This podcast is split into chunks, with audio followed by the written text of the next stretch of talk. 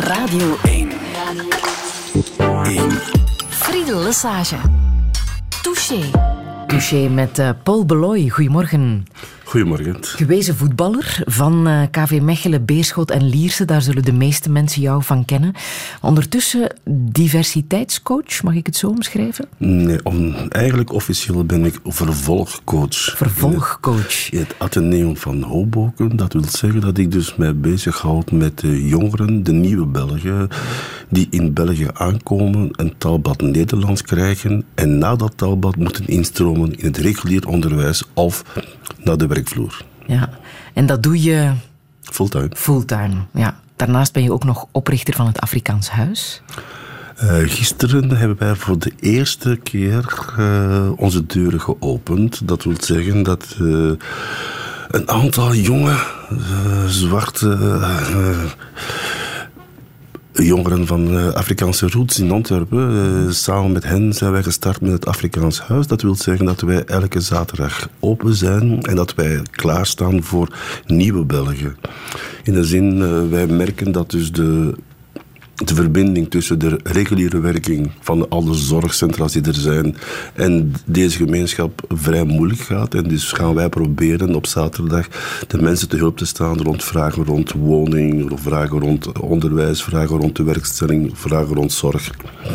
En proberen die mensen te leiden naar de reguliere werking. Ja. En behalve dat ben je ook auteur, co-auteur van het boek Vuile Zwarte over racisme in het Belgisch voetbal.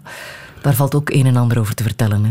Effectief co-auteur, samen met Frank van Luiken, hebben wij uh, ja, gedurende twee jaar alle krantenartikels bijgehouden en nagekeken wat er eigenlijk in de pers stond uh, betreffende racisme in het voetbal.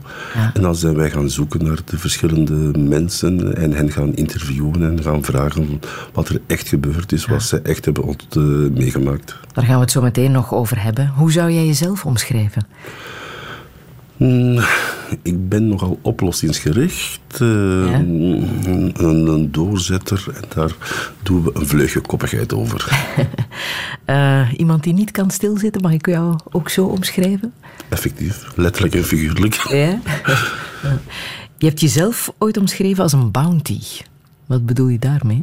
Ja, Bounty is... Uh, kijk eventjes naar het snoepje Bounty. Ja. En dan zie je dus iemand die dus uh, zwart van buiten is, uh, maar van binnen vrij wit. Zo voel jij? En zo voel ik mij ook. Ik voel mij eigenlijk 60% wit en 40% zwart. Aha. En ook iemand die graag chips eet? Spijt genoeg wel. Een beetje jouw verslaving zelfs. Nee, verslaving niet. Nee, nee, nee, verslaving niet. Want verslaving is echt dat je... Het is gewoon zo, ik let erop dat ik het niet in huis heb. Mm -hmm.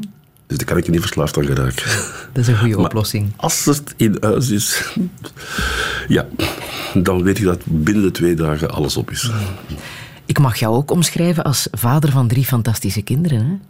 Ja, ik, uh, ik heb heel veel geluk. Uh, ik heb drie pracht van kinderen. Sarah, Tatjana en Yannick die eigenlijk op een ongelooflijke manier in de wereld staan en uh, die nu hun weg aan het maken zijn, ja. zelfstandig. Ja, fantastisch. Je bent ook iemand die uh, bezorgd is om de generatie van morgen, hè? Dat mag ik ook zeggen, hè? Dat is een beetje dus mijn levensmotto in de, in de zin van uh, wees nu al bezig met de generatie van morgen. Ja. En dat zegt heel veel. Mm. Paul Beloy, welkom in Touché. Dank u. Radio 1. 1. Friedel Lesage. Touché.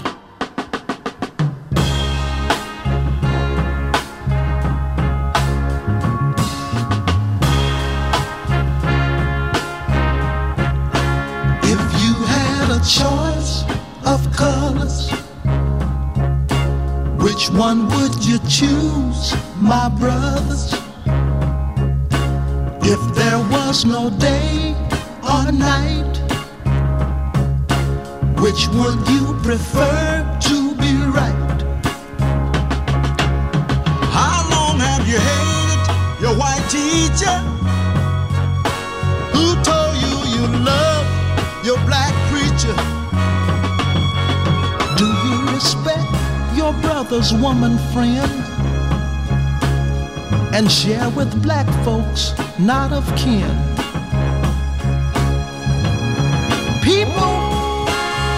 must prove to the people a better day is coming. For you and for me with just a little bit more education and love for our nation would make a better society. Now some of us would rather cuss and make a fuss than to bring about a little trust. But we shall overcome, I believe, someday if you'll only listen to what I have to say. And how long have you held your white teacher? Who told you you love your black preacher? Can you respect your brother's woman friend? And share with black folks not of kin. I say now people must prove to the people A better day is coming. for you and for me with just a little bit more education and love for our nation. would make a better society. And if you had a choice of colors, which one would you choose, my brothers? If there was no day or night, which would you prefer to be right? And if you had a choice of colors, which one would you choose, my brothers? If there was no day or night, which would you prefer to be right? If you had a choice. of Choice of Colors van The Impressions met Curtis Mayfield. Eh, Paul Beloy, je wou dit nummer laten horen, hè? Ja, Curtis Mayfield is eigenlijk mijn held. In de zin van... eh, hij is degene die, die is op een eh, ongelooflijke manier de fierheid van de zwart in Amerika bezingt. Aha, En eh, ja, dat is voor mij een voorbeeld. ja. Het boek dat je mee hebt geschreven met eh, Frank van Laken heet Vuile Zwarte over het racisme in het Belgisch voetbal. Was het meteen duidelijk dat dat de titel moest worden? Vuile Zwarte? Ja, want dat, dat, dat, dat- daar waren we heel snel over, over eens. Daar is weinig over eh, gediscussieerd. Eh, dat vatte in twee woorden heel duidelijk waarover het ging. Aha. En ja, iedereen was direct mee. Eh, we moesten er niet over nadenken. We wisten, dit gaat daarover. Zonder... En het is, het is ja, een globale naam... eh, waar dat je heel weinig moet uitleg, uitleg moet geven. Ja. En die banaan moest er ook bij? Ja, want dat is eigenlijk, dat is eigenlijk eh, een klein beetje de rode draad in het verhaal. In de zin van, ik ben begonnen in, in de jaren zeventig en ik kreeg tijdens de wedstrijd Antwerp-Beerschot, dus op Antwerp, een banaan geworpen voor mijn voeten. Dat is ook echt Dat gebeurd. is echt gebeurd. Ik heb die banaan vastgenomen, opzij gelegd en ingeworpen en voortgespeeld. We spreken over de jaren 70. Dat wil zeggen twee, drie camera's per wedstrijd maximum. Terwijl nu hebben we, hebben we zes, zeven camera's. eh, focus eh, op alle feiten, hebben we herhalingen. Toen helemaal niet. Dus heel veel mensen hebben het gewoonweg niet gezien En daar is ook niet over niet gesproken. over gesproken geweest. In de pers was er, er was geen extra time eh, waar dat ze dat konden eh, over hebben. Dat was gewoon, ja, dat gebeurde. En 40 jaar later merk ik nu met, met het schrijven van het boek dat Anthony tijdens een wedstrijd wordt uitgemaakt voor bananenkop. Dan zeg ik, jongens, dat is 40 jaar geleden. En nog altijd is die banaan onder, onderwerp.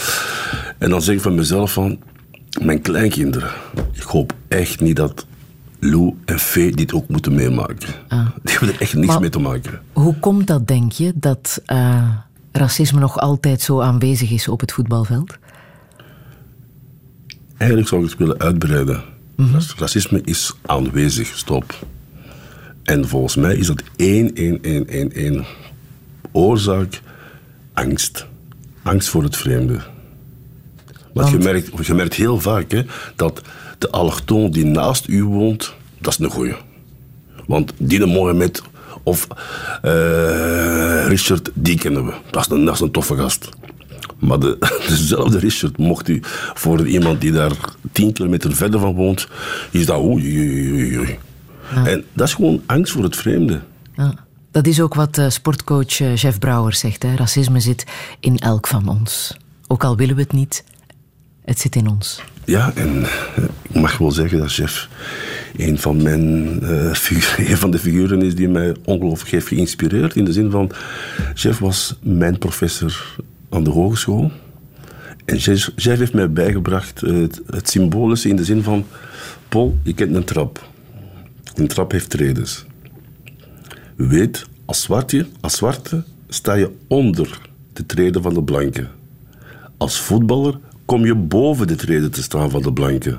Dus zorg ervoor, als je stopt met voetballen, dan ga je altijd zakken, want dan word je terug een zwarte, maar dan kom je terug misschien op het gelijke hoogte van de witte. Heb, ik- heb ik altijd bijgehouden. Ja, dat zeg je ook zo in je boek. Hè. Als ik stop met voetballen, word ik terug een neger. Ja? Maar ik heb, ik heb het voordeel van Paul Beloy geheten te zijn in het verleden. Dus als ik terugzak, kom ik misschien op gelijke hoogte van de witte medemens. Ja, want toen jij begon, waren er twee zwarte voetballers? Drie? Drie. eh, Giba in Waregem, Sanon in Beerschot en ik zelf bij KV Mechelen. Mm. En had dat ook voordelen? Ja, dat had heel veel voordelen voor ons, want wij waren de enigste drie. Iedereen kent ons. Jullie vielen op. Wij vielen op, effectief, op dit moment. En ook, wij- wij spraken Frans. Aha. Dat wil zeggen, als je speelde tegen Standaard, de journalisten hadden iemand om tegen te spreken. Dus wij werden geïnterviewd in, in, het, in het Franstalige gedeelte van, van België. Dus we waren eigenlijk pop- soms populairder dan ons eigen kunnen. Eh, omdat we dus eigenlijk meer in de, in de belangstelling stonden. Maar het is inderdaad ontstellend hoeveel verhalen je nog eh, hebt kunnen verzamelen die met racisme op het voetbalveld te maken hebben. En je schrijft ook over het feit dat het bij voetbal meer voorkomt dan bij andere sporten. Hoe komt dat, denk je? Nou, daar denk ik dat het, eh, wat heel veel een rol speelt, is het aantal. Dus de supporters, praten we over 5000, 10.000, 50.000 supporters. Daar, men kan niet moeilijk eruit halen. Men kan moeilijk gaan zeggen van, die persoon heeft het gedaan. Dus je kunt je eigenlijk verschuilen in de menigte.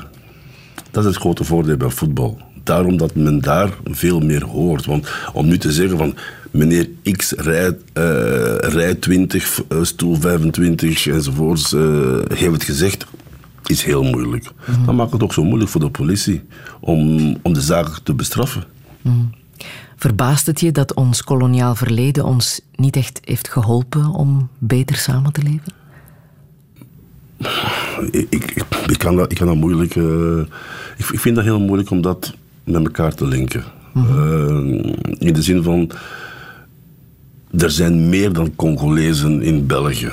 Eh, We zitten met een multiculturele gemeenschap, dus eh, we zitten met verschillende mensen van verschillende oorsprong enzovoort. En mm, ik vind het moeilijk van de kolonie daaraan te linken, in de zin van zeker nu, eh, de vluchtelingen komen van overal, die komen niet meer alleen van Congo, integendeel. Dus eh, we moeten het anders gaan bekijken, de situatie. En als je ons land vergelijkt met Nederland en de manier waarop ze daar omgaan met, met racisme, Wij staan voor en wij staan achter. In welke zin? In de zin bijvoorbeeld, voor mij persoonlijk, eh, ik, ik was Congolees. Ik ben moeten Belg worden. In Nederland, een Surinamer is gelijktijdig Nederlander. Dus die moet geen keuze maken. Wij moeten echt de keuze maken van wij willen Belg worden. En alle papieren moeten wij dus gaan... eh, heel de romslom moet, dus, moet je dus ondergaan om Belg te kunnen worden.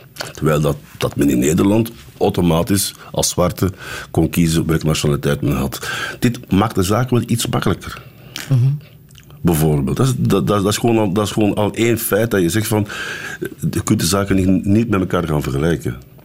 Wordt er ook meer actie genomen, bijvoorbeeld bij sportbonden?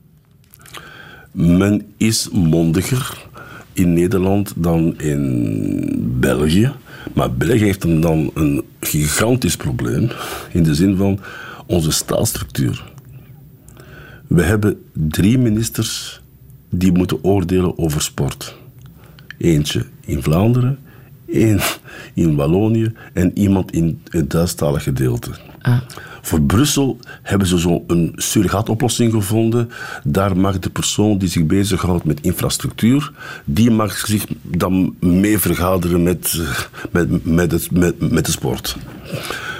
Dus dat is heel moeilijk om die drie mensen op de gelijke lijn te krijgen. Het is heel moeilijk om daar een, ja, een volwaardig beleid te voeren.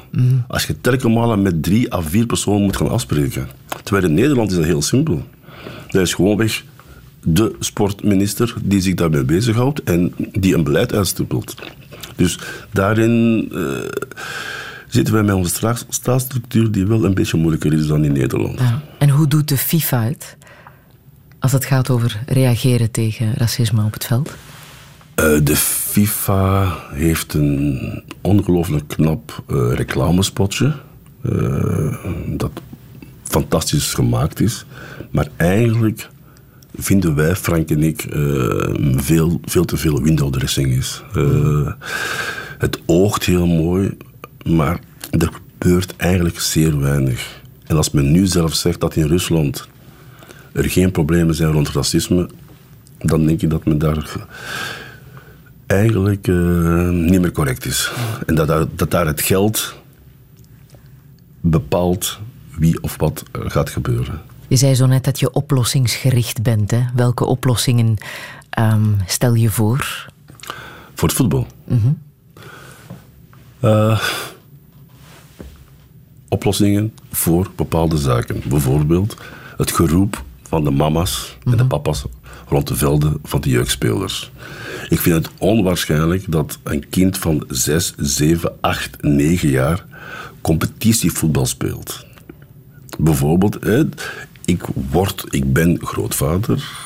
binnen 4, 5 jaar gaat Lou eventueel voetballen.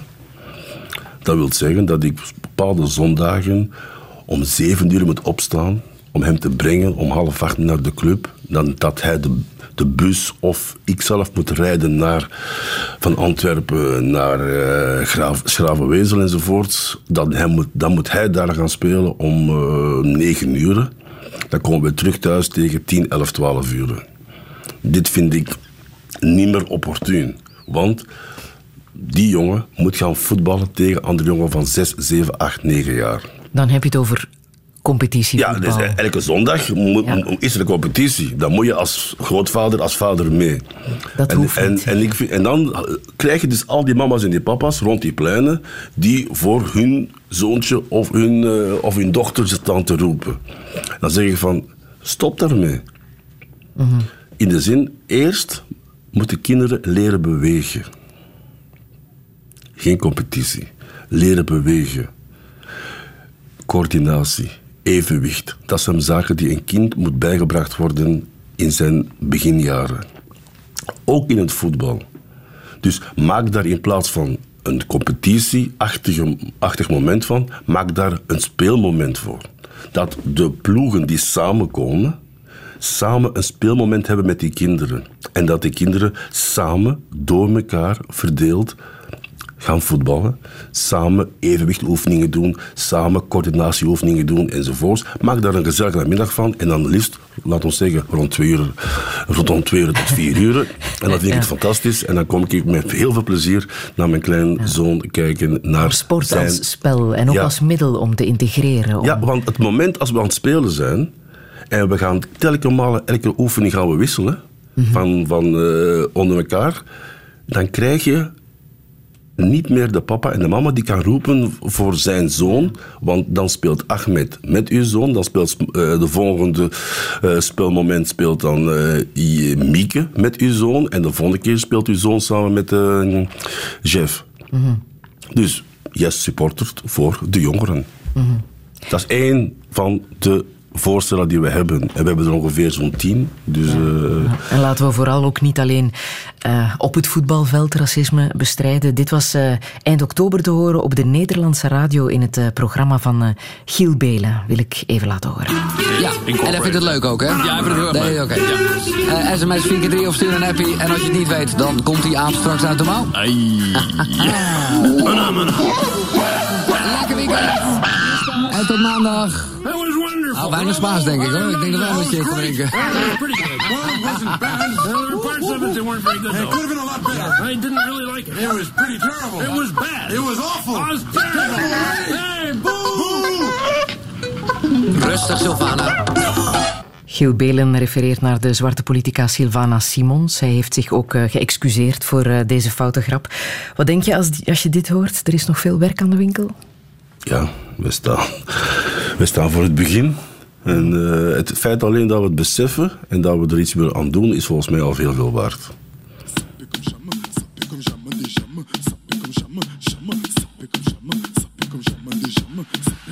On casse ta porte, c'est la Gestapo. Je vais te retrouver, me Colombo. Ça veut vendre des tonnes à la Gustavo. Un café sans sucre, j'en ai plein sur le dos. Eh ouais, ma puce, là tu me Rambo. Ça va faire six ans qu'on met des combos. Je manie les mélos, voilà oui, voilà non. Tu te demandes si c'est pas un complot. Oh les mains, oh les mains. Sauf les mecs, ça fait en bas les mains. Bas les mains, bas les mains. Ça roule façon Aladdin. Oh les mains, les mains. Sauf les mecs, fait en bas les mains. Ça roule façon Aladdin. Passe avant minuit. Je vais te faire vivre un dream. Avance sur la piste, les yeux sont rivés sur toi, les habits qui brillent, tels les mille et une nuits. Paris est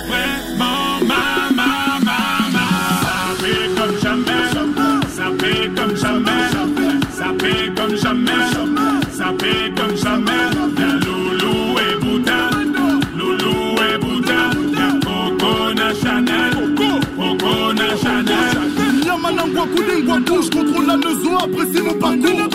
Hende Katako, sale petit coquin des cocus. Quand elle m'a vu, elle t'a plaqué.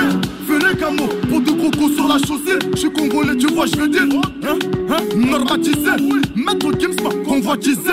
Charlie Delta localisé. L'embilasso focalisé. Sapé comme Chacha, Chama. Dorénavant, je fais des jaloux. J'avoue, je vis que pour la victoire imbécile. La concurrence à ma vessie. Loubouzanon et Hermès. Lui vite ton sac, je veux la recette. Passe avant minuit. Je vais te faire vivre un dream. Avance sur la piste, les yeux sont rivés sur toi, les habits qui brillent, tels les mille et une nuits. Paris est vraiment ma, ma, ma, ma. Maître Jims met Sapé comme jamais. Paul Beloy, waarom uh, dit nummer? En wat is de betekenis ervan? Uh, dit nummer vooral omdat het is een Congolees. Ja. Het regime is van Congo. En uh, hij, gaat, hij, praat over de sapeurs. En sapeur, dat is een, een, een, speciaal begrip in Kinshasa, in de zin van ook in Matonge in Brussel. Dat zijn dus mensen die zich klaarmaken om uit te gaan. Dus die volledig opgedirkt zijn, de mooiste kleren aan hebben. Soms wel nep. Uh, maar dan gaan zij, zij gaan dan buiten, zij gaan dan weg. Ah. En ik vond dat een, een, leuk nummer. Ah. Hoe ben jij hier terechtgekomen? Vijf jaar was ik, samen met mijn zusje van vier en mijn papa. Die kwam studeren in uh, Leuven. En wat waren zijn ambities? Waarom wou hij naar Leuven komen? Hij was verpleger en ik kreeg een studie, studiebeurs uh, om naar Bergen te komen. En hij zei van ik neem mijn kinderen mee om die de kans te geven om hier te, te studeren. Ja. En door wie ben je opgevoed? een moeilijk verhaal in de zin van door twee prachtige vrouwen van 50, 55 jaar.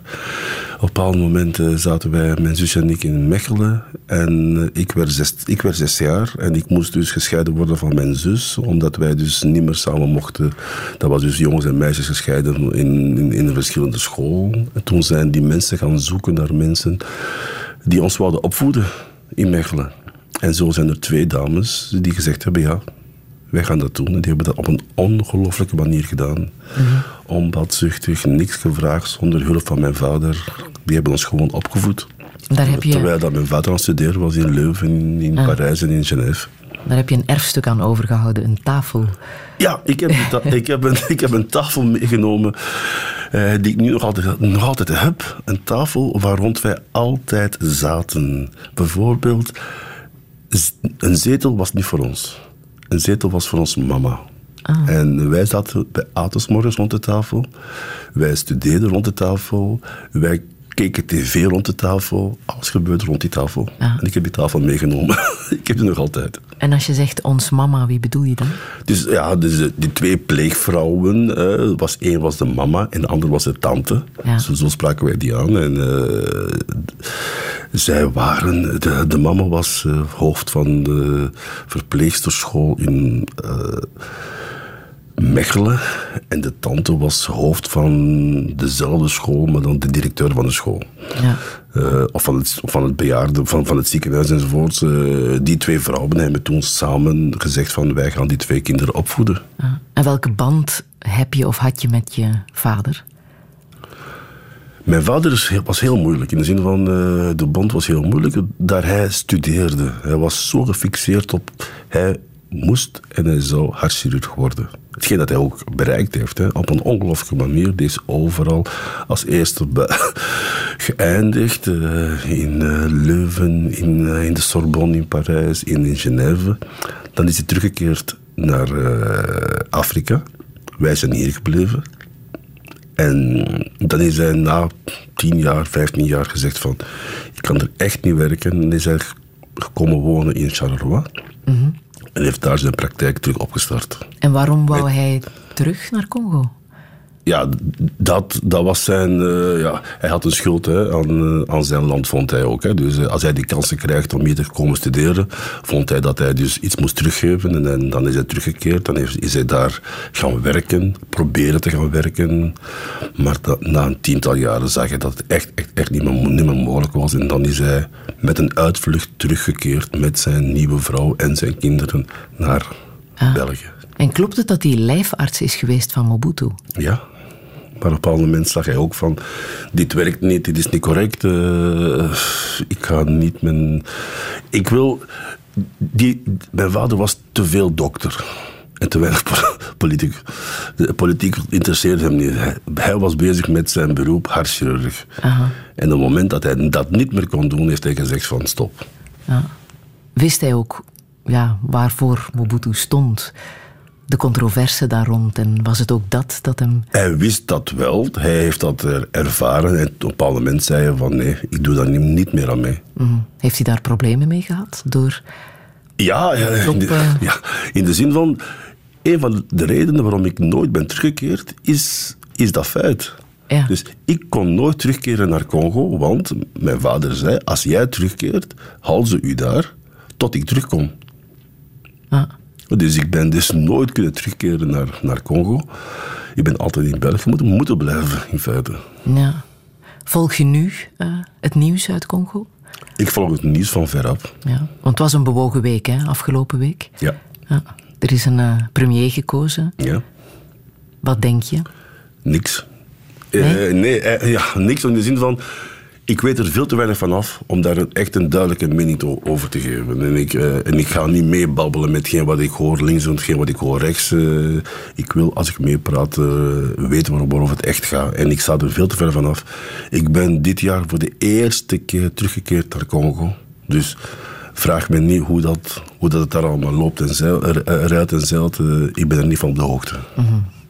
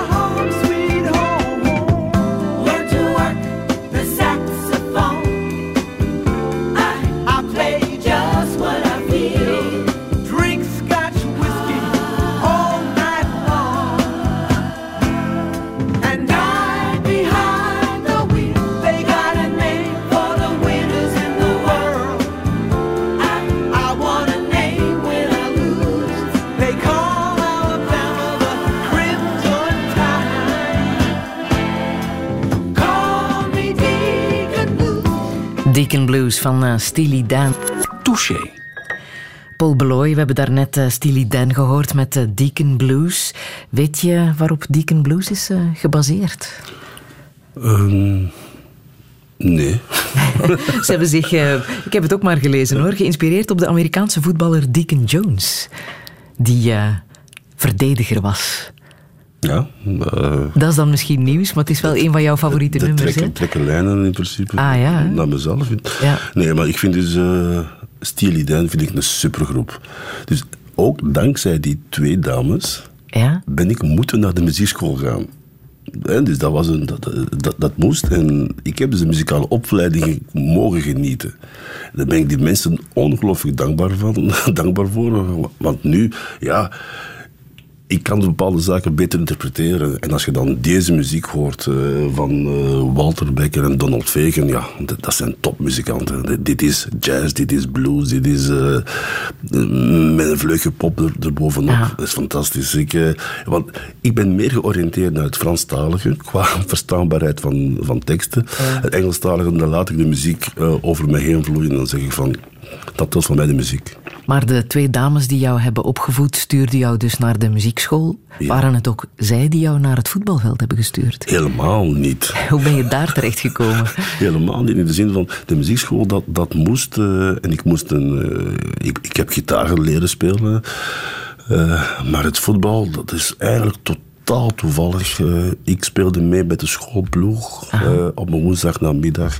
En wij speelden tegen een, een, andere school. En wij wonnen met het Scheppersinstituut van, van toen. Wonnen wij met 7-1 tegen die andere school. En ik scoorde zes keer. En dat was toevallig op de velden van Calvin Mechelen. En toen zagen ze van, ja, dat is toch wel een rappe.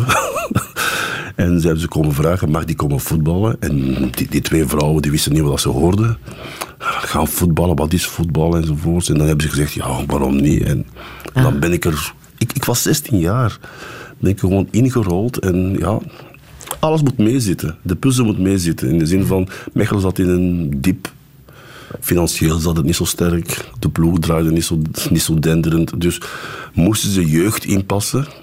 En op dat moment stond ik juist klaar om die persoon die ze moesten vervangen te vervangen. Ja, in het leven moet je geluk hebben. Ja. En was het voor jou ook meteen duidelijk dat je professioneel voetballer wou worden?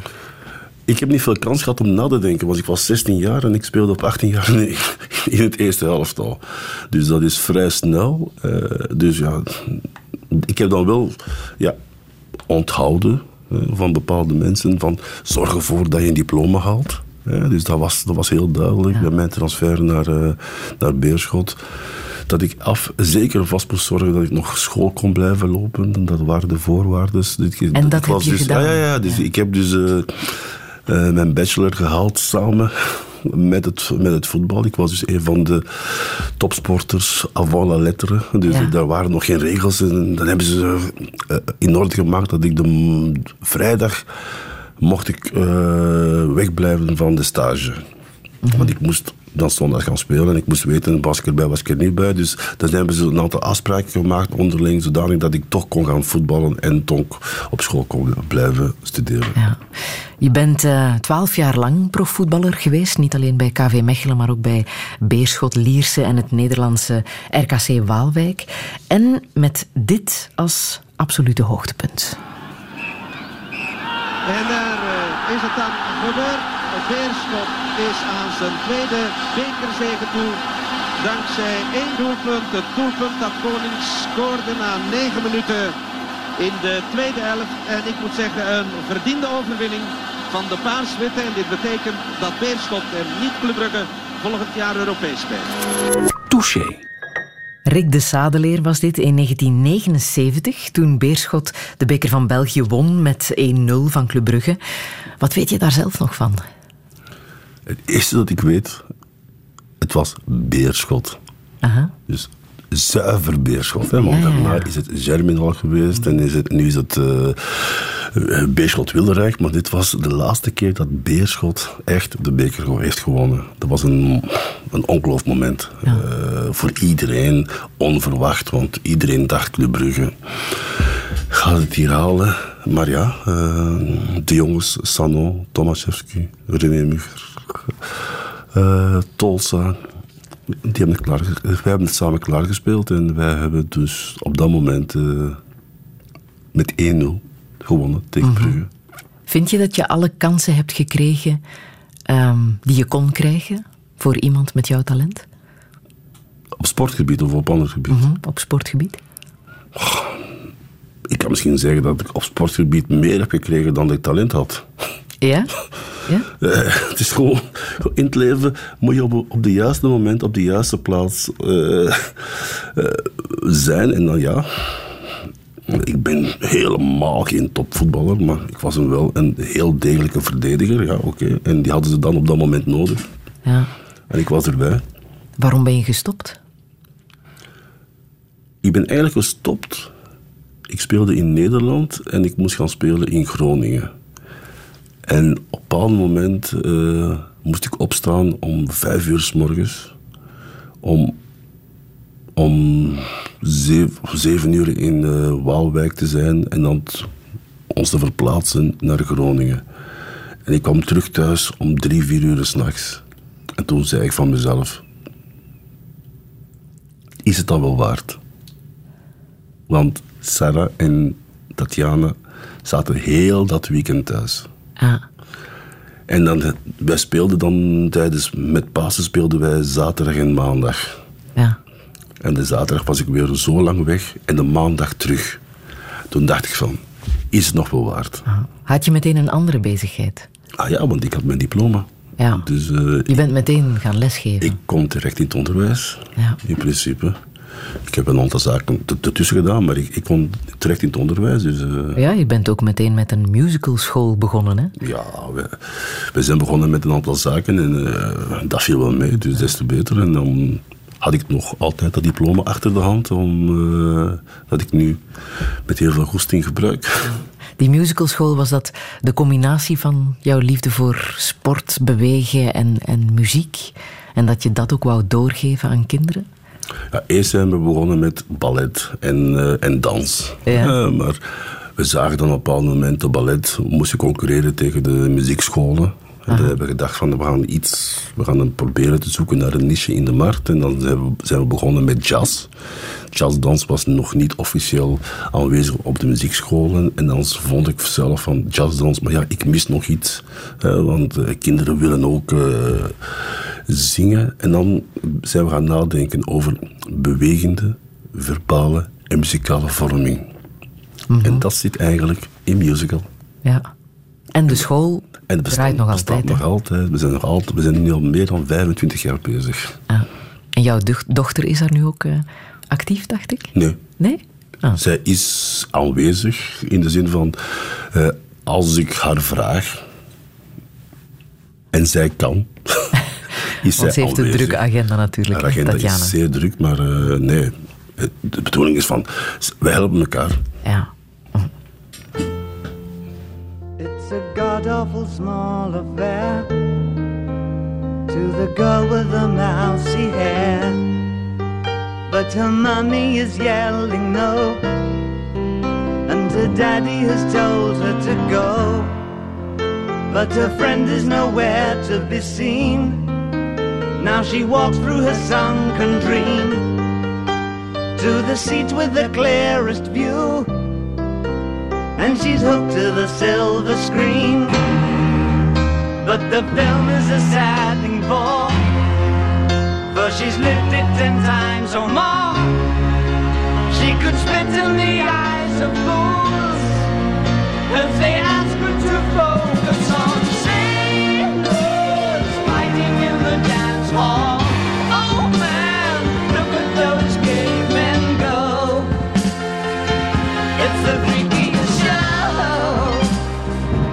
Take a look at the long man the wrong guy. Oh man, wonder if you'll ever know who's in the best-selling show. Is there life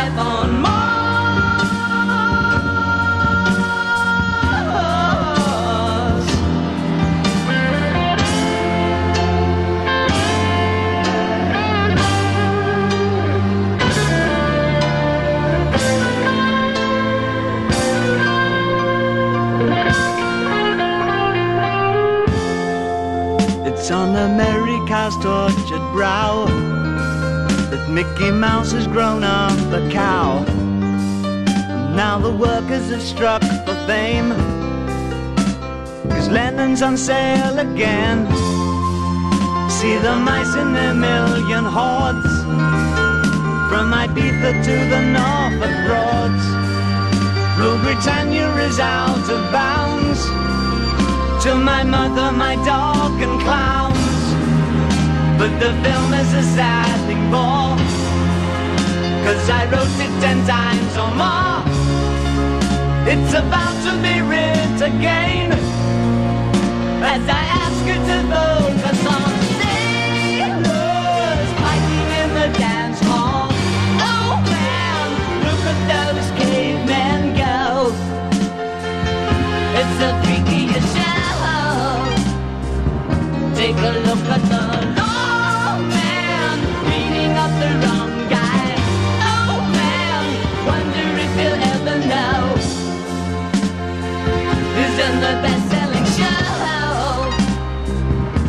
Is there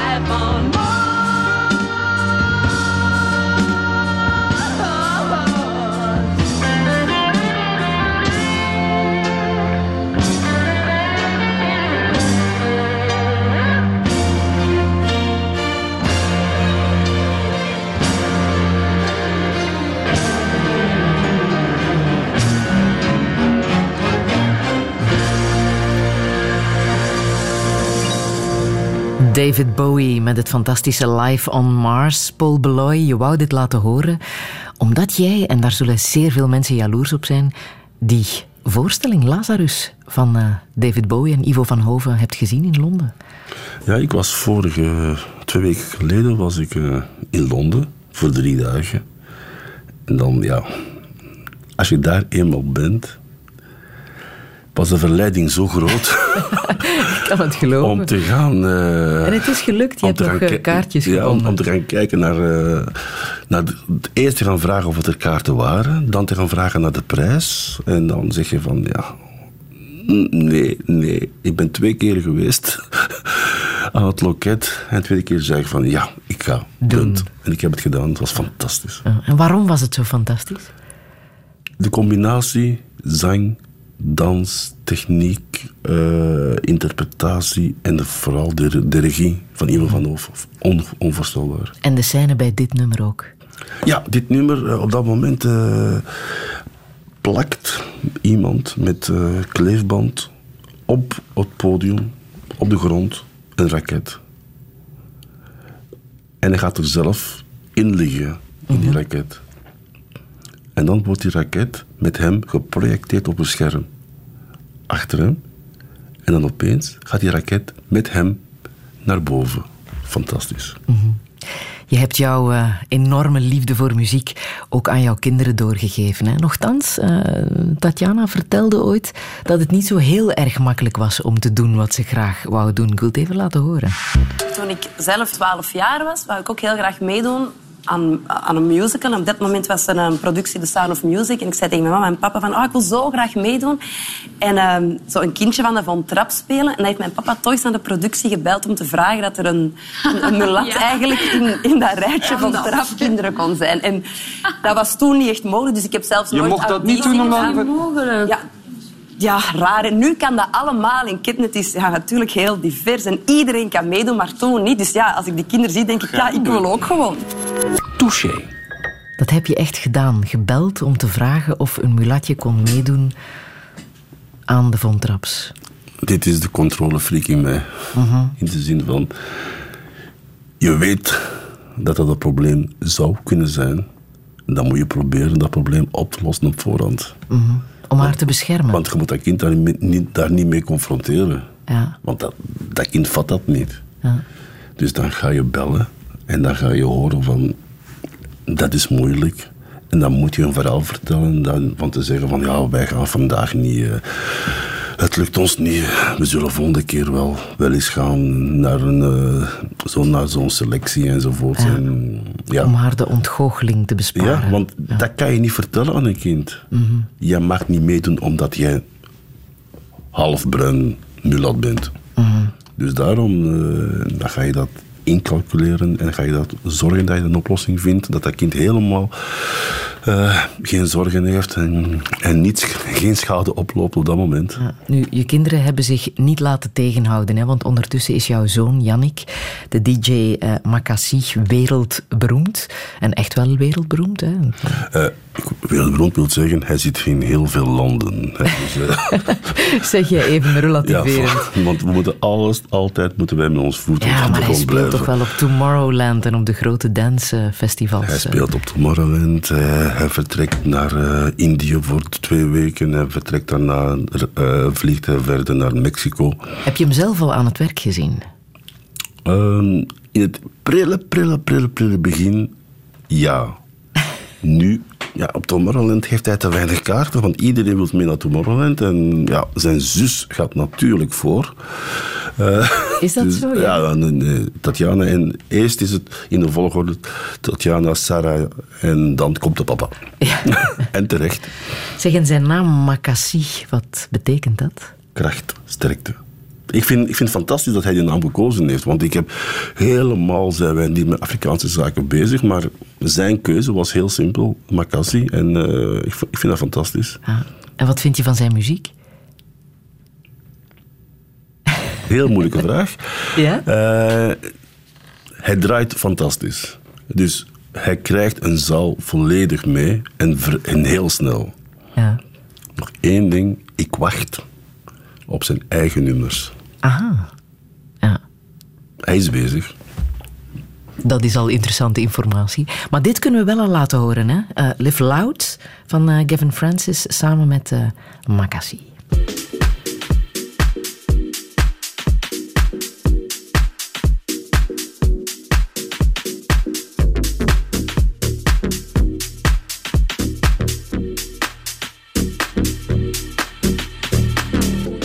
Cause the funky as hell. Funk in my feet, yeah, that's the smell. Whenever I drop it in hotel, we got the Henny Belvedere and Blue Cottrell. Yeah, we hit 'em up style if one's to live loud. Slap the funk at your mouth. What goes up must come down. Only live once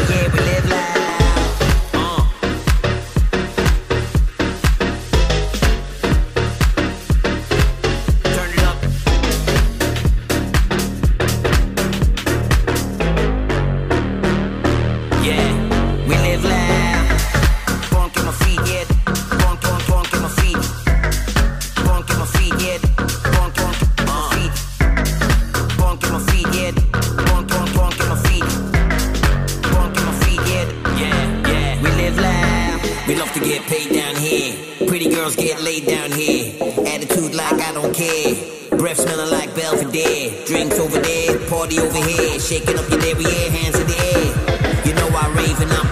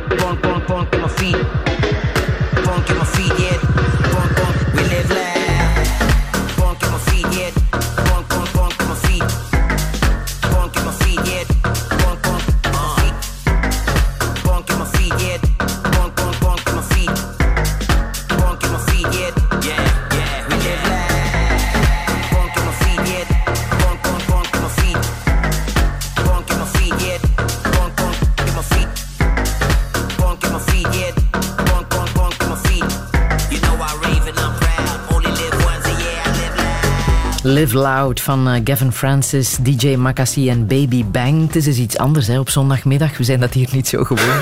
maar uh, het is in ieder geval uh, muziek van jouw zoon, Paul Beloy, DJ Makassi. Radio 1. 1. Friedel Lesage. Touché. Touché met Paul Beloy, gewezen voetballer en nu vooral diversiteitscoach in scholen en op en rond het voetbalveld. Hij schreef zo net het boek Vuile Zwarte, een harde wake-up call omdat het racisme in het Belgisch voetbal nog lang niet is uitgeroeid. Schaamte is misschien wel het enige woord dat dit alles goed samenvat. Maar daarmee komen we natuurlijk niet ver. Inzicht op jonge leeftijd is hoogst noodzakelijk. Dat heeft hij zelf aan den lijve ondervonden toen hij als vijfjarig kereltje uit Congo in Mechelen arriveerde. Zijn uitspraak, als ik stop met voetballen, word ik een neger, zegt misschien genoeg. Stel je voor dat Obama zou zeggen, als ik president af ben, word ik opnieuw een neger. Waar staan we dan? De Amerikaanse presidentsverkiezingen, het Pieterpact, nog stof genoeg voor een tweede uur touché met Paul Beloy. Een zeer goede middag. Mississippi, surrounded by. His parents give him love affection to keep him strong, moving in the right direction, living just enough, just enough for the city. Ah. His father works some days for 14 hours,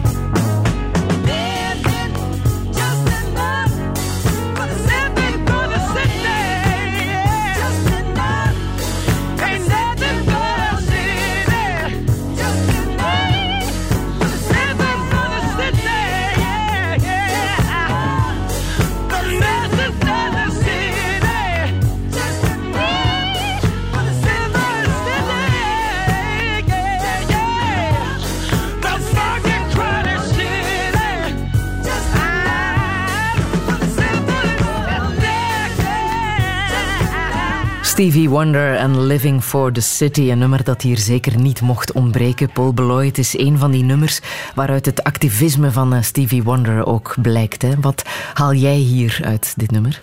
Ik haal eruit dat er een vader en een moeder is. En een, ja, eigenlijk, eigenlijk een gezin die ongelooflijk zijn best doet om mee te draaien in de maatschappij. Dus de, de dochter heeft oude kleren, maar propere kleren. De, de mama heeft ervoor gezorgd dat, dat haar dochter op een propere manier naar school kan gaan. Die fierheid komt naar boven. De zoon die moet zoeken naar een job. En dat is kei, kei, kei, kei, kei moeilijk. Maar hij gaat ervoor. Dus de wil om er te geraken is bij heel veel mensen aanwezig. Mhm. Maar het gaat wel, en dat moet frustrerend zijn, ja, over eh, de mindere rechten die gekleurde mensen eh, krijgen. Hè? Ja, dat blijft een gigantisch probleem. Dus uh, we moeten daar niet rondfietsen. Dat is, gewoon, dat, dat, is gewoon een feit. En, maar ik vind persoonlijk, we kunnen blijven klagen. Misschien moeten wij eens een keer de andere kant, wij als nieuwe Belgen, als uh, gekleurde Belgen, ook eens gaan rechtstaan. En onze mening gaan uiten. En gaan tonen dat, dat, dat, dat wij er echt zijn.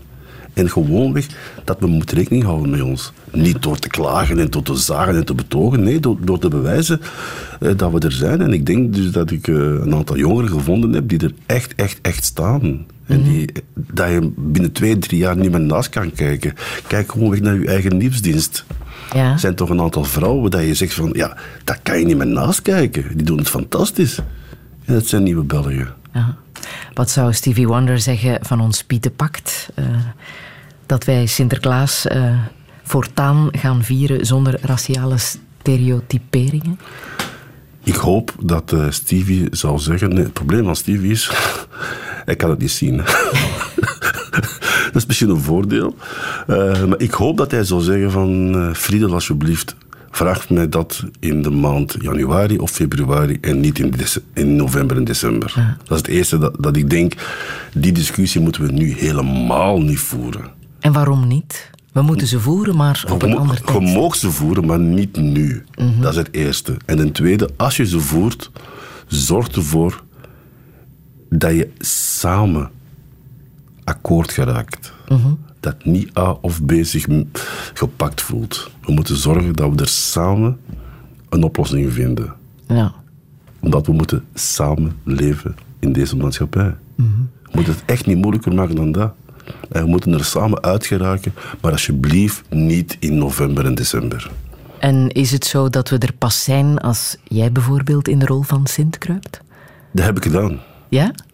ik ben Sint geweest in het leger. Echt waar? Ik, heb ja. nooit, ik, ik, uh, ik was dus Belg, dus Belg zijnde moet je dus naar het leger gaan. En toen uh, hebben mijn vrienden de joke uitgehaald. En ik heb dus in het uh, militair hospitaal in Antwerpen Sint Sint gespeeld, Zwarte Sint, en ik had Witte Pieten.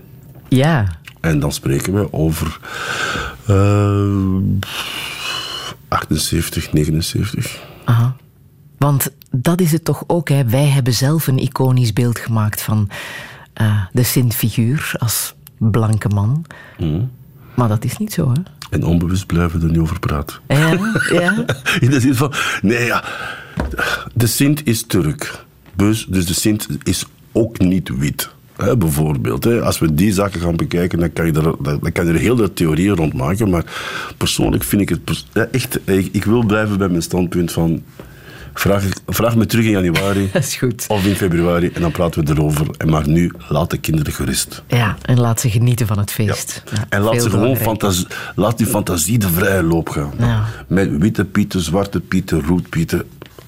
De kinderen zullen dat wel oplossen, zelf. Dan haal ik even die andere realiteit naar boven. Want uh, na acht jaar Obama hebben we terug een uh, blanke Amerikaanse president. Hoe heb jij dat nieuws gevolgd? Uh, ik was een beetje ontgoocheld. in de interpretatie van de journalisten van de peilingen. Mm-hmm. Men heeft daar veel te veel waarde aan geëcht. En men heeft dus de zwijgende meerderheid heeft men eigenlijk over het hoofd gezien. En dan heb ik zo'n flash. Brexit. En als ik nog verder terug ga, Zwarte Zondag. In de zin van, wij moeten effectief rekening houden met de zwijgende meerderheid. Mm-hmm. En we moeten die, die mensen die niet staan te roepen en niet van voorstaan, maar die, die eigenlijk de problemen ervaren. Mm-hmm. Die mensen moeten we meer gaan helpen. Wat vond je van Obama? Feit, fantastisch dat die persoon als zwarte de kans heeft genomen. Want hij heeft het niet gekregen. Hij moet er zelf eerst staan. Je moet zelf eerst zorgen dat je op, op die hoogte komt. Dat je de kans kunt krijgen om het, om het te worden. Dat is zijn eigen verdienste. Dat is één. Ten tweede, Hij was en hij is de eerste zwarte president geweest. Wat we ook duidelijk merken is, en dat is misschien mijn enige hoop bij Trump, hij kan niet zelf alles veranderen. Hij heeft ook heel veel geprobeerd en hij is een paar keren toch heel, heel, heel vaak terug, teruggefloten geweest eh, door het parlement en, enzovoort. Dus hopelijk gaat dat ook gebeuren met Trump. Dus, maar symbolisch is hij van onschatbare waarde. Nu, ik kijk naar jou, nu nog een vrouw als president. Ja. Dan zijn we rond.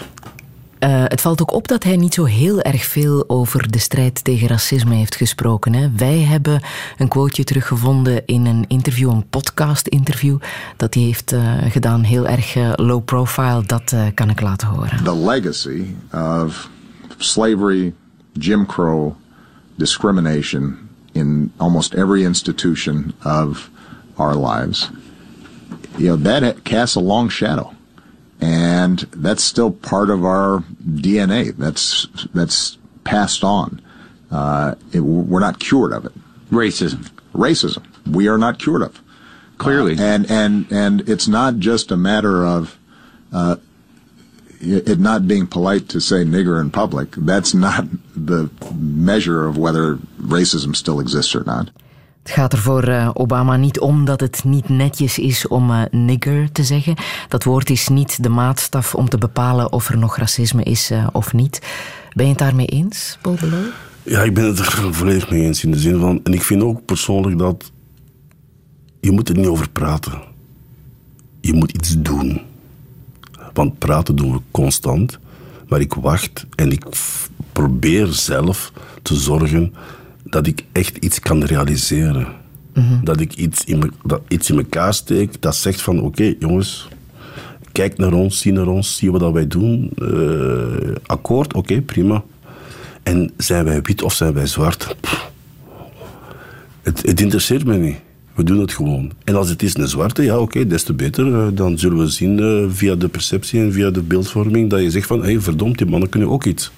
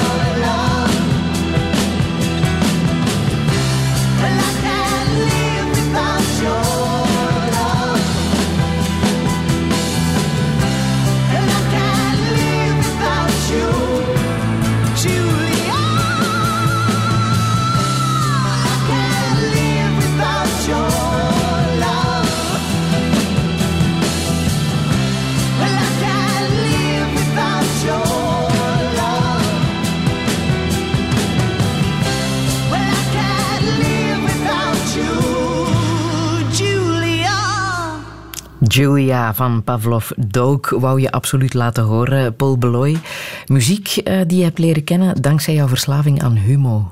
Ja, elke, week op dinsdag kocht ik of lag humo in de brievenbus. In de brievenbus. En eh, het eerste waar ik naar ging kijken was naar de recensies van de platen.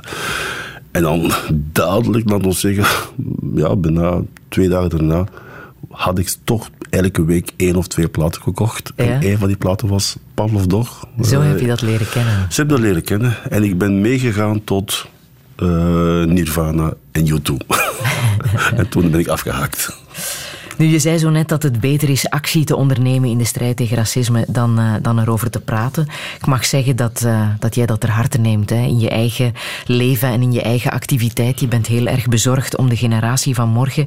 En één iemand uit die generatie van morgen, Dominique Mbok, wil ik even laten horen. Goedendag, ik ben Dominique Mbok. Ik ben advocaat aan de Balie van, eh, van Antwerpen. Ik ben eh, in België aangekomen in 1997. Ik was minderjarig, ik was een weeskind. Ik, was, ik had alles achtergelaten in eh, Cameroen. Ik kwam hier aan, ik heb asiel aangevraagd, maar ik had een droom. Ik wou iets bereiken in het leven. En niks kon me tegenhouden. Touché. Wauw, als je dit hoort.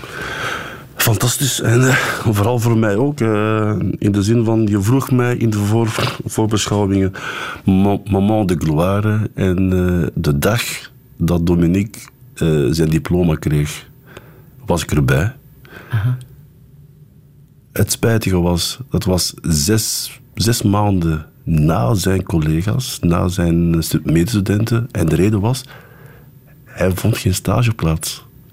En waarom vond hij geen stageplaats? Omdat de, de advocatuur is dat ons kent ons. Ja. En hij was een vreemde buit. En hij moest dus zich gaan aanmelden zonder vaders, moeders, eh, neven, nichten die, die in die wereld zaten. En hij heeft zitten zoeken tot er een Marokkaan eh, hem heeft eh, een stageplaats aangeboden. Dus hij was als een van de enigen die later zijn diploma kreeg. En we stonden daar met drie collega's van school hem op te wachten. Het was een fantastisch moment, ook voor hem. Want er waren geen ouders, er waren geen broers, er waren geen zussen. Zijn drie leerkrachten stonden daar en nog één persoon, die, een zeer goede vriend van hem, stonden hem daar om te begroeten. En dat was een fantastisch moment. Ja, want dat is wat jij doet, hè? Eh, dat soort jongeren mee begeleiden in eh, wat ze willen in het leven, in studies, in eh, leven organiseren. Ja, probeer te ondersteunen. Ik, ik heb het voordeel gehad, ik heb een klein beetje, dankzij een aantal omstandigheden, het kunnen waarmaken in het leven. Dus eh, vind ik van mezelf van, wees bezig met de generatie van morgen. En een aantal jongens hebben die steun nodig. Nou, dat is ook wat je van plan bent in het Afrikaans huis. Hè? Dat eh, gisteren is, eh, is opengegaan, van start gegaan. Wat voor gevoel gaf dat? Dat het er is? Het, het feit gewoon dat een aantal mensen, die jongeren, zoals Dominique, eh, Lisa May is ook iemand eh, die er ook gaat in meedraaien. En Lisa heeft hier zelf gewerkt bij, op de VRT bij Canvas bij de nieuwsdienst. Eh, zij, komt, zij is journaliste, ook een vluchtelingen leren kennen op school, maar dan in Hoboken in, in, dat, in het ateneum. En met die mensen willen wij samen iets in elkaar steken en kijken naar de toekomst van morgen.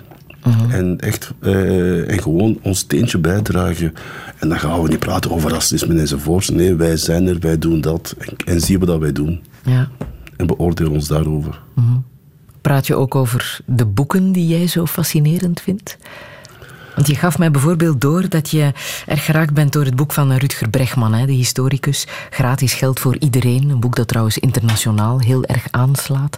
Net een herziene eh, druk heeft. En eh, ondertussen is verschenen in Amerika, Groot-Brittannië, Spanje, Japan, Zweden. Daar is zeer veel interesse voor. Ja, en ik, vind zijn uitgangspunt echt eh, uitdagend. Daar moet over nagedacht worden. Ik, dat heeft nood aan vergaderingen, conven, eh, momenten dat een aantal mensen gelijke, gelijke zinnen erover gaan nadenken, brainstormen, afkraken, opbouwen. Daar zit zoveel in. En ik denk zelfs persoonlijk, hoe meer en meer dat ik over nadenk, is dat toch wel een, ja, een visie die we toch moeten gaan omarmen. En toch eens moeten gaan over nadenken. In plaats van zoveel geld te stoppen in het herstellen, misschien het geven of zorgen dat iedereen evenveel heeft, Ja. dan moet hij ook meer verantwoordelijkheid nemen. Want hij heeft het zelf.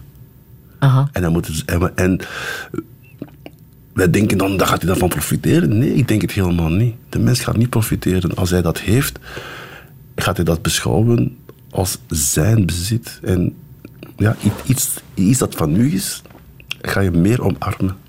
Dus ik, ik geloof er meer en meer en meer en meer in.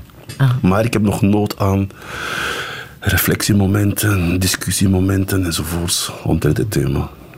Als het gaat over geloof, waarin geloof jij? Ik geloof in de mens. Ik ben zeer katholiek opgevoed door mijn twee pleegmama's. Eh, wat ik daarvan overhoud is, denk na over hetgeen wat, wat dat je doet. En wat dat je doet, daar ben je verantwoordelijk voor. Geloofsovertuiging, kan dat een mens ook in de weg staan? Ja, want ik heb zeer zwaar problemen met, eh, ja, met dat het geloof een aantal mensen heel hun leven eh, bepaalt. En bijvoorbeeld, als een aantal voorbeelden, de Floyd Landis, die, die wij kennen als een, een gevierd wielrenner, die, als, die had als mormoon nooit mogen fietsen. Die is moeten eruit stappen Mhm. uit die gemeenschap. Om te kunnen fietsen. Om te kunnen fietsen. Mhm. Ik ken talentvolle jongeren die nooit gaan voetballen op zondag. Want dat kan niet van hun geloof. En dan stel ik me er toch een aantal vragen over. In de zin van hoe dat het geloof bepaalde mensen kan beïnvloeden in hun daden. En soms heb ik het toch wel moeilijk mee. Mhm. Ben jij bang voor de dood? Ja en nee. Ja. In de zin van li- liefst niet morgen. Nee. Eh, als je de kans hebt gehad. Bijvoorbeeld Cohen. Ja. Zo zou ik graag willen sterven. Mhm. Leonard Cohen. Ja. ja. Eh, wetende van het is, het is gedaan. Al- Alles nog kunnen goed opruimen. Laatste cd nog al kunnen afgeven enzovoorts. En het publiceren van zijn dood op het moment dat hij al begraven is. In principe, dus eh, heel die commotie er rond is voor de, is voor de familie. Dat kan voor mij. I'm ready, my lord. Op die manier. Mm. Ja. Want jij hebt wel eens een slechte boodschap gekregen, hè? Een tijd geleden. Ja. eh, dat was, eh, ja. dat, dat was keihard. Op een bepaald moment. ik was bij de uroloog. En een dag daarna kreeg ik telefoon. Paul, waar je nu bent, stopt. En je gaat dadelijk naar het ziekenhuis. Je wacht geen moment. Ik zeg waarom? Nee, je gaat dadelijk naar het ziekenhuis. Ik heb dat maar gedaan. Dat is spoed. Ik kwam binnen. Dokters hadden al de papieren al gekregen.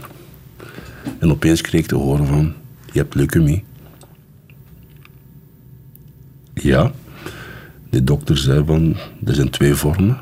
Acute en chronische. En we zullen nu moeten uitmaken welke van de twee vormen je hebt. Daar moeten verblijven. En gelukkig kreeg ik te horen dat het chronische leukemie was. Maar dat was de vraag, hoe moet ik dat gaan vertellen aan mijn kinderen? Eh, Tatjana zat op dat moment in Londen. En het was echt niet het moment om dat kind daarmee lastig te vallen. Sarah zat in België. Ik heb het tegen Sarah eerst verteld. Eh, ik heb het verteld tegen mijn zoon. En die is gewoon buiten gestapt. En gaan wandelen. Dat was een heel pijnlijk moment. En daarna heb ik het na haar examens aan Tatjana kunnen vertellen. En toen waren we op de hoogte. Totdat we het dan te horen kregen dat het niet acuut, maar chronisch was. En dat papa zou kunnen genezen. En hoe gaat het nu? Ik ben genezen, officieel. Dus eh, ik ben weer een van die gelukkigen die dat kan zeggen en mag zeggen op deze moment. Maar wel moeten strijden. Wel ja, het- gevochten. het, het, is, het is keihard geweest. eh, in de zin van heel de dagen gewoon mottig, ziek mm, gaan werken. Ik heb heel bewust. Er waren, waren een aantal mensen aan, de, aan, aan- aan een aantal mensen verteld. Eh, op school wist alleen de directeur, was op de hoogte. Ik heb praktisch geen enkele dag afwezig geweest. Gewoon om, we gaan ervoor, blik vooruit. Zo wou je het. Voilà, en eh, het is mij gelukt. Des te beter.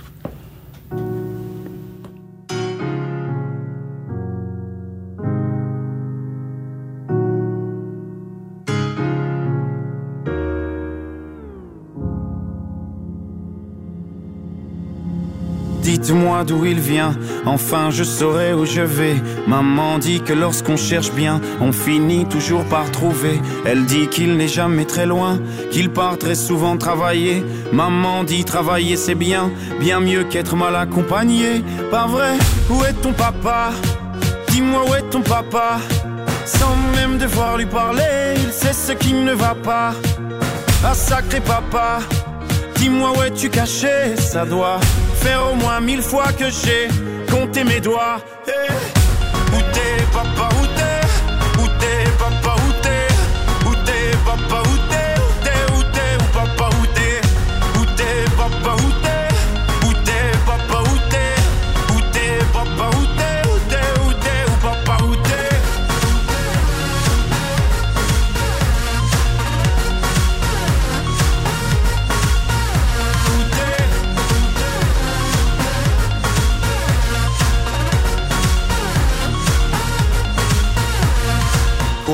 Qu'on y croit ou pas, y aura bien un jour où on n'y croira plus. Un jour ou l'autre, on sera tous papa et d'un jour à l'autre, on aura disparu. Serons-nous détestables? Serons-nous admirables? Des géniteurs ou des génies Dites-nous qui donne naissance aux irresponsables Hein Dites-nous qui. Tiens, tout le monde sait comment on fait des bébés Mais personne sait comment on fait des papas.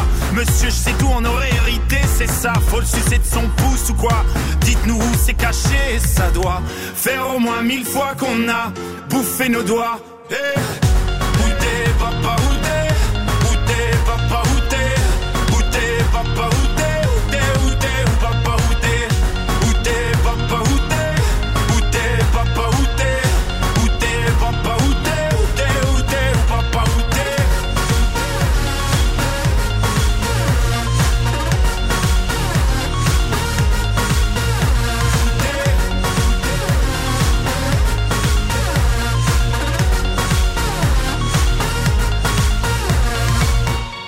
papa Dis-moi où est ton papa Sans même devoir lui parler, il sait ce qui ne va pas. Ah sacré papa, dis-moi où es-tu caché? Ça doit faire au moins mille fois que j'ai compté mes doigts. Eh, où est ton papa?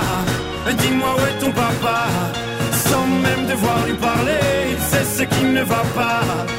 Ah sacré papa, dis-moi où es-tu caché? Ça doit faire au moins que j'ai mes doigts. Eh,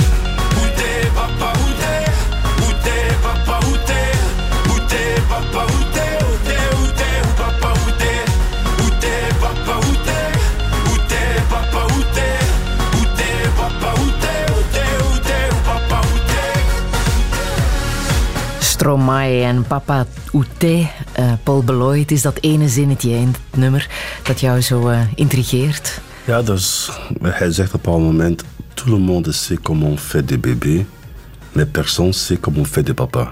Daar zit veel waarheid in voor jou? Dat is fantastisch. Dat is, ik vind eh Stromae, de Jacques Brel van, de, eh, van, van vandaag, het is fantastisch wat hij met woorden kan spelen. Gecombineerd dan met eh, de visuele beelden die hij erbij brengt. En dan, ja, jongen van nu zijnde, oké, als we alles linken, plakken we daar nog een kled- kledingslijn bij. Fantastisch. Maar die zin zegt heel veel van onze Afrikaanse gemeenschap in Antwerpen, in België, in Vlaanderen. In de zin van, heel veel vaders zijn verloren. Hebben het moeilijk om te weten waar hun plaats is. Hun gewoontes die ze meebrachten uit, uit hun thuisland, worden hier niet meer geaccepteerd. Kinderrechten. Kind heeft recht om, eh, om, om zijn woord te zeggen enzovoort. Ook tegen, ook tegen zijn papa. Dat zijn zaken dat heel veel van die vaders gewoon niet, op, niet weten. Om, ook niet weten hoe om mee om te gaan. Mhm. Iets wat je ook herkent bij je eigen vader, de relatie ook met je eigen vader. Als ik nu eh, vader hoor en de functie van vader lees en de functie van vader zie bij anderen, ja, hebben, hebben wij nooit een vader gehad. Eh, de- hij weet wel hoe dat wij gemaakt zijn, maar eh, eigenlijk opvoedkundig was hij niet aanwezig. Jouw moeder ook niet, hè? Maar dat is een ander verhaal.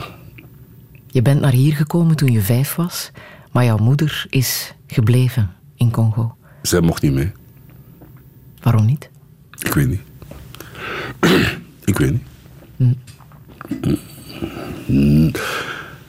Ik ben nu in eh, februari voor de eerste maal teruggekeerd.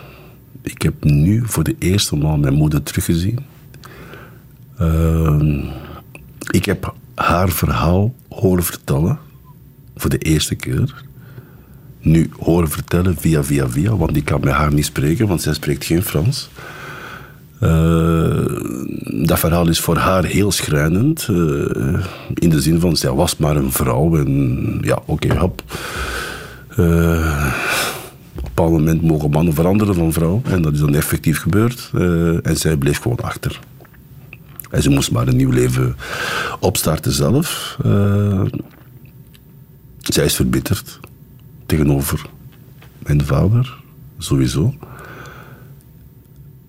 Voor mij was dat kei, kei, kei moeilijk. Je hebt daar een oudere vrouw, waar dat je trekken van ziet, die gelijk zijn met vooral met mijn zus. Maar ja, het zou ook eventueel een tante kunnen zijn. Hè? Je hebt er eigenlijk geen enkele binding mee. Je voelt wel dat er iets is, maar je kan er zelf niet mee spreken. Dat was heel, heel, heel, heel, heel moeilijk. En daarom dat ik ook zeg van, eh, ik ga die vrouw helpen. En ik besef zelf dat ik zeg die vrouw, niet, niet mijn mama. Omdat dat zo ver van mij afstaat op deze moment. Ah. Hoe komt het dat je dit jaar bent teruggegaan? Ik had vernomen dat zij ziek was. En de keuze was heel simpel. Ofwel is zij ziek en sterft zij vredig, met misschien de vraag: waar is mijn zoon? Ofwel ziet ze mij nog en, en sterft zij niet vredig. Want ze beseft misschien wat ze gemist heeft of wat ik gemist heb. Dus de keuze was heel moeilijk voor mij. Ik heb de laatste keuze genomen. En heb je daar vrede mee dat je die keuze hebt genomen? En ik ben blij dat ik het gedaan heb, maar ik weet niet dat ik het zal terugdoen. Mhm. Want de afstand is zo immens groot tussen haar leefwereld en mijn leefwereld. Jij bent niet in een hecht gezin opgegroeid, hè? op geen enkele manier met je biologische vader en biologische moeder samen kunnen opgroeien. Als je kijkt naar je eigen kinderen, heb je dat op een of andere manier kunnen goedmaken? Het probleem dat wij hebben gehad, het probleem niet met het feit, dat is, geen probleem, maar het is gewoon een feit, is wij hadden geen neven, nichten, oom, tantes enzovoorts. Dat, dat kenden wij niet. Wij waren met twee hier in België. Stop. En gedaan. Eh, ik was me heel erg van bewust. Op het moment dat ik kinderen ga krijgen, ga ik het begin zijn van een nieuwe stamboom. En mijn kinderen hebben dat nodig, die stamboom. En dat moeten wij gaan onderhouden. En daarom moet ik als vaderfiguur mijn rol in gaan spelen. Voor hen.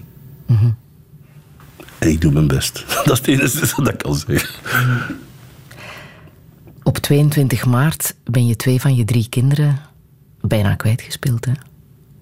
De aanslagen op Zaventem, toen waren twee van jouw kinderen op dat bewuste moment in het gebouw. Hè? Ja, en ik stond ervoor. Ja. Dus ik had juist Yannick afgezet, die weer een van zijn buitenlandse trips eh, maakte.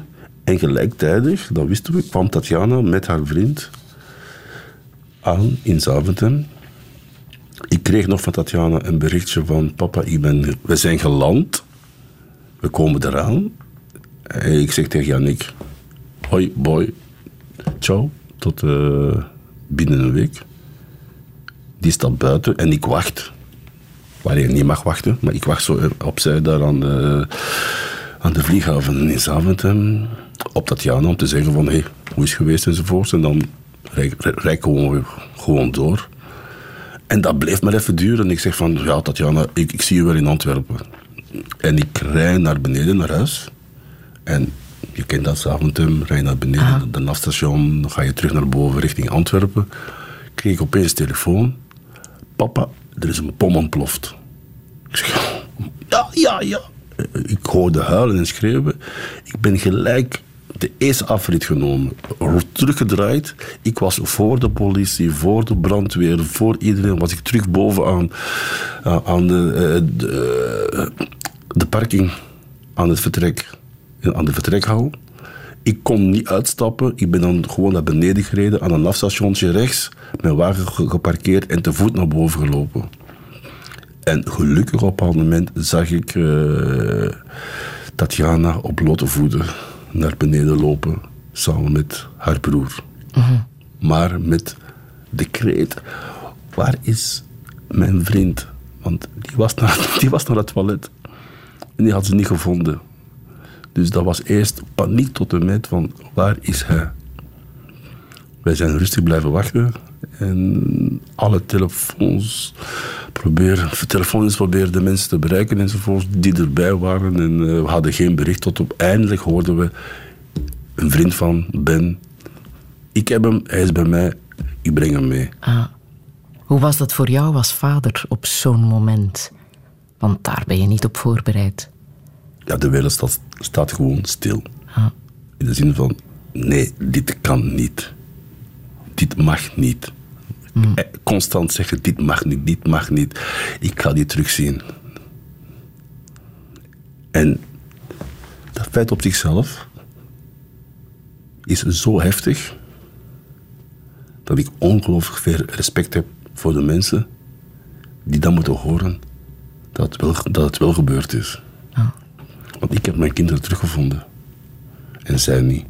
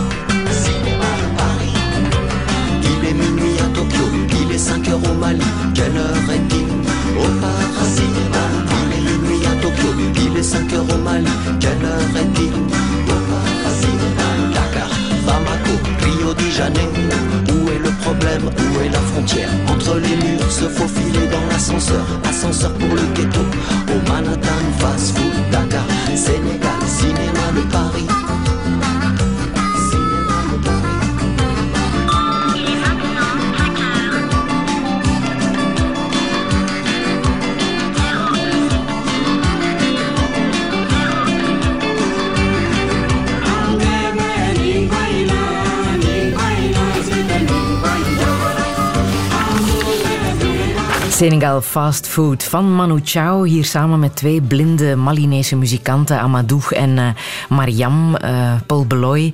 Het is een bijzonder nummer, ook voor jou. Hè? Ja, want voor mij is dit de perfect, perfecte mix tussen Afrika en Europa. Aha. Dus je ziet daar nog altijd de Malinese invloeden in dat nummer. Gecombineerd met Manu Chao, de Fransman, die daar zijn, eh, zijn gevoel in steekt. En ja, zegt een beetje wie ik ben. Mhm. Volgend jaar word jij 60, hè? Ja. Wat ga je daarmee doen? Niks. Niks, echt waar. Eh, Nee? Ben jij geen feestbeest? Nee, nee, dat gaat gewoon Nee? voorbij. Nee. Dat, gaat, gewoon- dat, gaat, dat, dat gaat gewoon voorbij. Dus eh, dat gaan we rustig laten passeren en eh, we gaan rustig verder doen. En wat zou je nog willen in je leven? Eh, wat ik echt zou willen, is een beetje voortdoen met waar ik bezig ben. En om ervoor te zorgen dat we. Een, dat ik voor, ik voor mij bijvoorbeeld, rondom mijn omgeving, waar ik woon, waar ik eh, leef, waar ik werk, dat, dat de mensen het goed hebben. Want als die mensen het goed hebben, heb ik het ook goed. Dus dat, dat is zo een van mijn, mijn eh, motto's in de zin van... Zorg gewoon weg dat de mensen rondom je het goed hebben. Dat ben je aan het doen, hè? Ik doe mijn best. Sorry, ik weet niet eh, dat ik het graag... Maar dat- ik doe gewoon mijn best, punt. En anderen zullen daar wel over oordelen. En welke boodschap wil je nog meegeven? Wees nu bezig met de generatie van morgen. Echt waar, want... eh, mijn kleinkinderen zijn de nieuwe Antwerpenaars. En daar zal mijn moeder rekening mee houden. Ik heb nog een, eh, een prachtig nummer om te eindigen van eh, Alan Parsons Project. Old and Wise. Zegt dat ook iets over jou? Ik hoop het. ik, nee, ik hoop het gewoon. eh, dat ik dat... Ja, dat, dat, dat is zo'n beetje Cohen-achtig. Ja. Dus alles mogen afronden. Alles mogen beëindigen. Wetende, nu is het voldoende geweest. Dat, dat is wel iets wat ik wel graag zou kunnen, een beetje kunnen regelen zelf. Ja. Maar je bent nog jong, hè? Om old te zijn. Ik hoop het. Ja.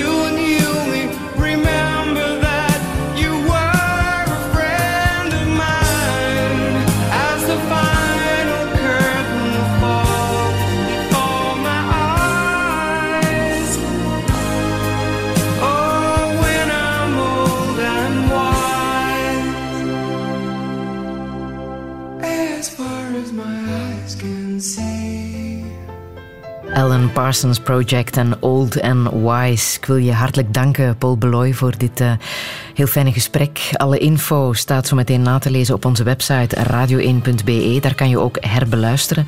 En volgende week verwacht ik hier gewezen vrederechter Jan Nolf. Ik wens je nog een fijne zondag.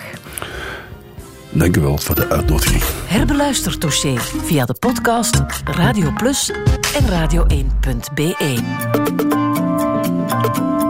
Radio 1.